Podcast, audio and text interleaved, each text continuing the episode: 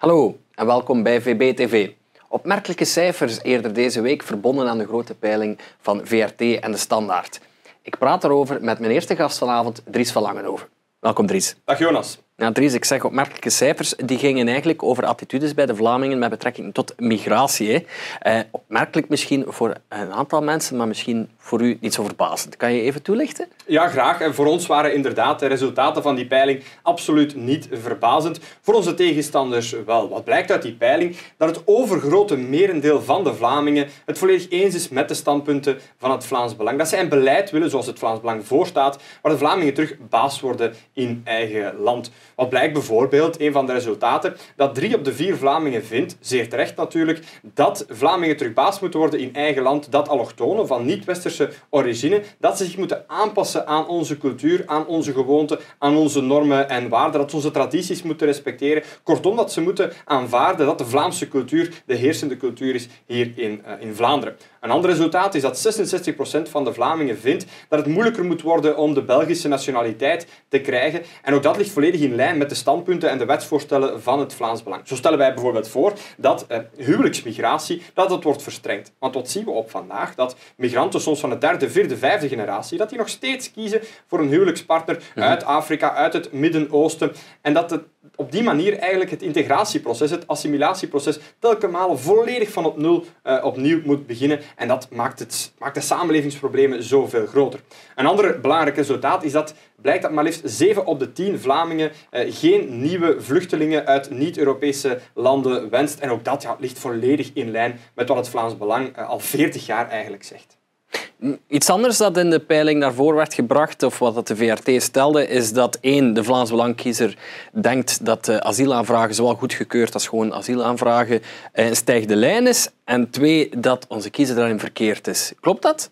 Wel, doordat de media en VRT dan op kop zeggen dat de Vlaams Belangkiezer dat denkt, willen ze impliceren dat we verkeerd zouden zijn. Maar het klopt inderdaad dat de Vlaams Belangkiezer dat denkt. En wel omdat het effectief zo is. Uit de cijfers van het CGVS, dat is het eh, Commissariaat-Generaal voor de Vluchtelingen en de Staatlozen, dat is de overheidsinstantie die periodiek om de maand de officiële cijfers naar buiten brengt. Uit die cijfers blijkt dat het aantal asielaanvragen fors in de lift zit. Vorig jaar bijvoorbeeld waren er maar liefst 26.000 nieuwe asielaanvragen, fors meer dan de jaren voordien, zelfs als we rekening houden met uh, corona. En trouwens ook het aantal goedgekeurde asielaanvragen, een zeer belangrijk cijfer, dat ligt intussen op 10.000 vorig jaar en ook dat is fors meer dan de jaren uh, voordien. Dus het blijkt dat onze kiezers wel degelijk het bij het rechte eind hebben en dat die asielcijfers de pan uitswingen. Wel, um, ja, dat is opmerkelijk dan dat de VRT dat op die manier heeft, uh, heeft neergeschreven. Maar misschien ook even terugfietsen naar heel recent. Dan heb je samen met, met Tom van Grieken een, uh, een plan voorgesteld. Het heet uh, Fort Europa. En daarin staan allerlei oplossingen en antwoorden eigenlijk op al die problematieken en die attitudes die we daarnet hebben besproken. Kan je daar misschien even de voornaamste van, van uitlichten, Dries? Jawel, die brochure van Fort Europa is zeer belangrijk omdat ik er mijn persoonlijke kwestie van heb gemaakt om aan te tonen dat de voorstellen, de plannen van het Vlaams Belang realistisch zijn en dat we met concrete voorstellen in de praktijk te brengen dat we dit migratiebeleid wel degelijk nog kunnen rechttrekken in Vlaanderen en in Europa. Die brochure staat vol van de concrete voorstellen. Een aantal daarvan... 50, hè? 50 voorstellen, inderdaad. Een aantal daarvan ligt ik graag toe. Eh, bijvoorbeeld het uh, oprichten van fysieke en juridische grensbarrières om ervoor te zorgen dat migranten niet zomaar illegaal Europa kunnen betreden. Fysiek waar het moet, juridisch waar het, uh, waar het kan. Ook het legaal maken van pushbacks is een heel belangrijke, want we hebben gezien gezien afgelopen jaar dat soms door dictators bijvoorbeeld migranten worden ingezet als een oorlogswapen. Wij vinden het maar terecht dat landen ervoor moeten kunnen zorgen dat migranten die landen overspoelen, Europese landen overspoelen, dat die kunnen worden teruggeduwd naar het land van waar, zij, eh, van waar zij kwamen. Ook onze sociale zekerheid, het lijkt evident, maar voor de huidige generatie politici is dat blijkbaar niet evident. Onze sociale zekerheid die moet zo snel mogelijk worden afgeschermd, want die werkt als een magneet voor gelukzoekers en illegale migranten van over de hele wereld. Verder is het natuurlijk heel belangrijk om bijvoorbeeld gezinshereniging eindelijk aan banden te leggen. Het, het allerbelangrijkste migratiekanaal, nog veel groter dan mhm. asielmigratie, moeten we die gezinshereniging eh, aan banden leggen. Uh, en, en tal van andere voorstellen om ervoor te zorgen dat wij Vlamingen terug ons thuis kunnen voelen in ons eigen land. Ja, bedankt uh, voor al uw tijd en uw deskundige antwoorden, Dries. Graag gedaan. Voor wie meer wil weten over deze voorstel, maar ook al onze andere voorstellen in de Fort Europa-campagne, kan deze brochure helemaal gratis bestellen via vlaamsbelangwinkel.org. Voordat we overgaan naar onze reportage, vraag ik u nog graag om de uitzending te liken en u ook te abonneren als u dat nog niet deed.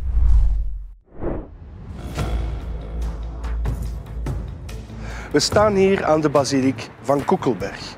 Een iconisch gebouw dat iedereen wel kent. Voor wie Brussel binnenrijdt, is dit een van de eerste gebouwen die men ziet.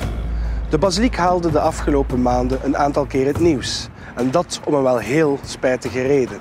De basiliek was immers een aantal keren het doelwit van vandalen. Er wordt heel wat vuiligheid achtergelaten. Er wordt zelfs op de muren getekend. En in maart van dit jaar werden er zelfs niet minder dan 42 glasramen ingeslagen. De basiliek van Koekelberg is echter niet het enige kerkgebouw dat het doelwit is van vandalen in Brussel. Een aantal bezorgde burgers contacteerden ons met een aantal verhalen die ons ertoe noopten om de echte cijfers op te vragen in het Brussels parlement. En die cijfers die waren ontluisterend. Sinds 2019 waren niet minder dan 52 kerkgebouwen het doelwit van vandalen.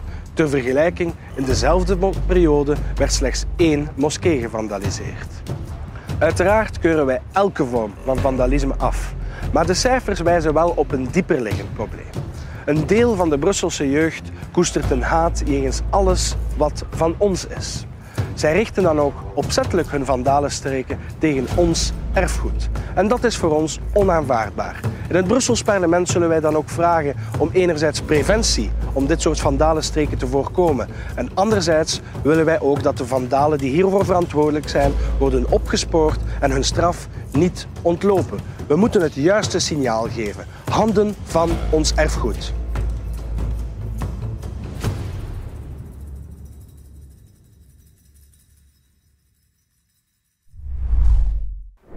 Handen af van onze kathedralen en kerken dus.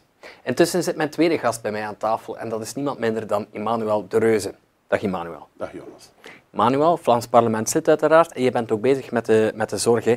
Daar is uh, iets opmerkelijk bezig, want uiteraard, de coronapandemie zit gelukkig in onze achteruitkijkspiegel, maar op het federaal niveau denkt men daar blijkbaar uh, anders over. Ja, op het federaal niveau wil men dus nu, momenteel volgende week komt dit uh, waarschijnlijk ter stemming in de Kamer, de verplichting tot vaccinatie van de gezondheidszorgbeoefenaars doordrukken.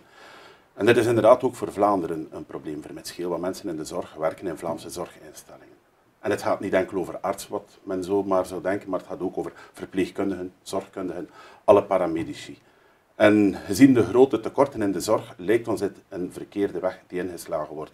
Het gaat er dus gewoon over Vlaams belang, wij moeten ervoor zorgen dat onze gezondheidsinstellingen voldoende personeel hebben. En als we dan nog even grosso modo 6% van die mensen wegduwen uit de zorg, dan gaan de personeelstekorten natuurlijk nog veel groter worden.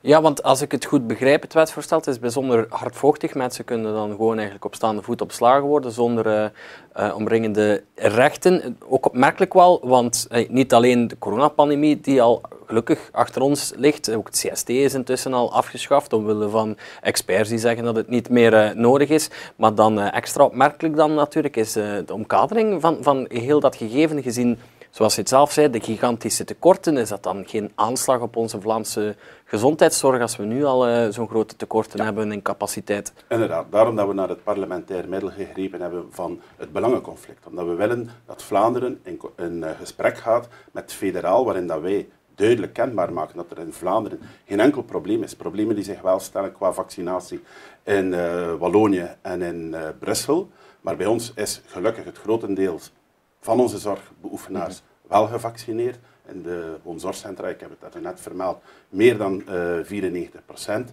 Dus daar stelt het probleem zich niet. En u zegt het ook zelf, de pandemie is gelukkig in de achteruitkijkspiegel. Er is dus geen grote noodzaak meer toe, dus uh, daarom roepen wij dat in. We hebben het dan ook voorgelegd aan het Vlaams parlement en het is dan ook heel opmerkelijk dat twee partijen die ook federaal oppositie voeren tegen deze wet, namelijk uh, de N-VA en de Partij van de Arbeid, ik noem ze graag bij naam, ons niet gesteund hebben. Ja, dus N-VA en uh, NP van de A zijn dat. Hè. Ja. Ja, bijzonder, bijzonder flauw uh, van hun, maar onze positie is dan geen vaccinatieverplichting, maar gewoon keuzevrijheid. Inderdaad, en laat het duidelijk zijn, vaccinatie is goed, vaccinatie is nuttig. Heel wat van onze mensen, en ik zelf ben ook gevaccineerd, dus laat dat duidelijk zijn.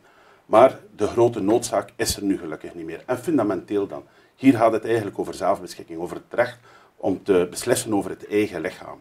En dat is voor ons wel fundamenteel. Daarom zal er bij ons nooit een verplichting zijn voor het coronavaccin. Gisteren niet, vandaag niet en morgen niet. Oké, van zolang de Vrijheidspartij. Zeker en vast. Bedankt, Immanuel. Beste kijker, laat ook zeker uw mening achter in de reacties onderaan en ik zie u graag een volgende keer.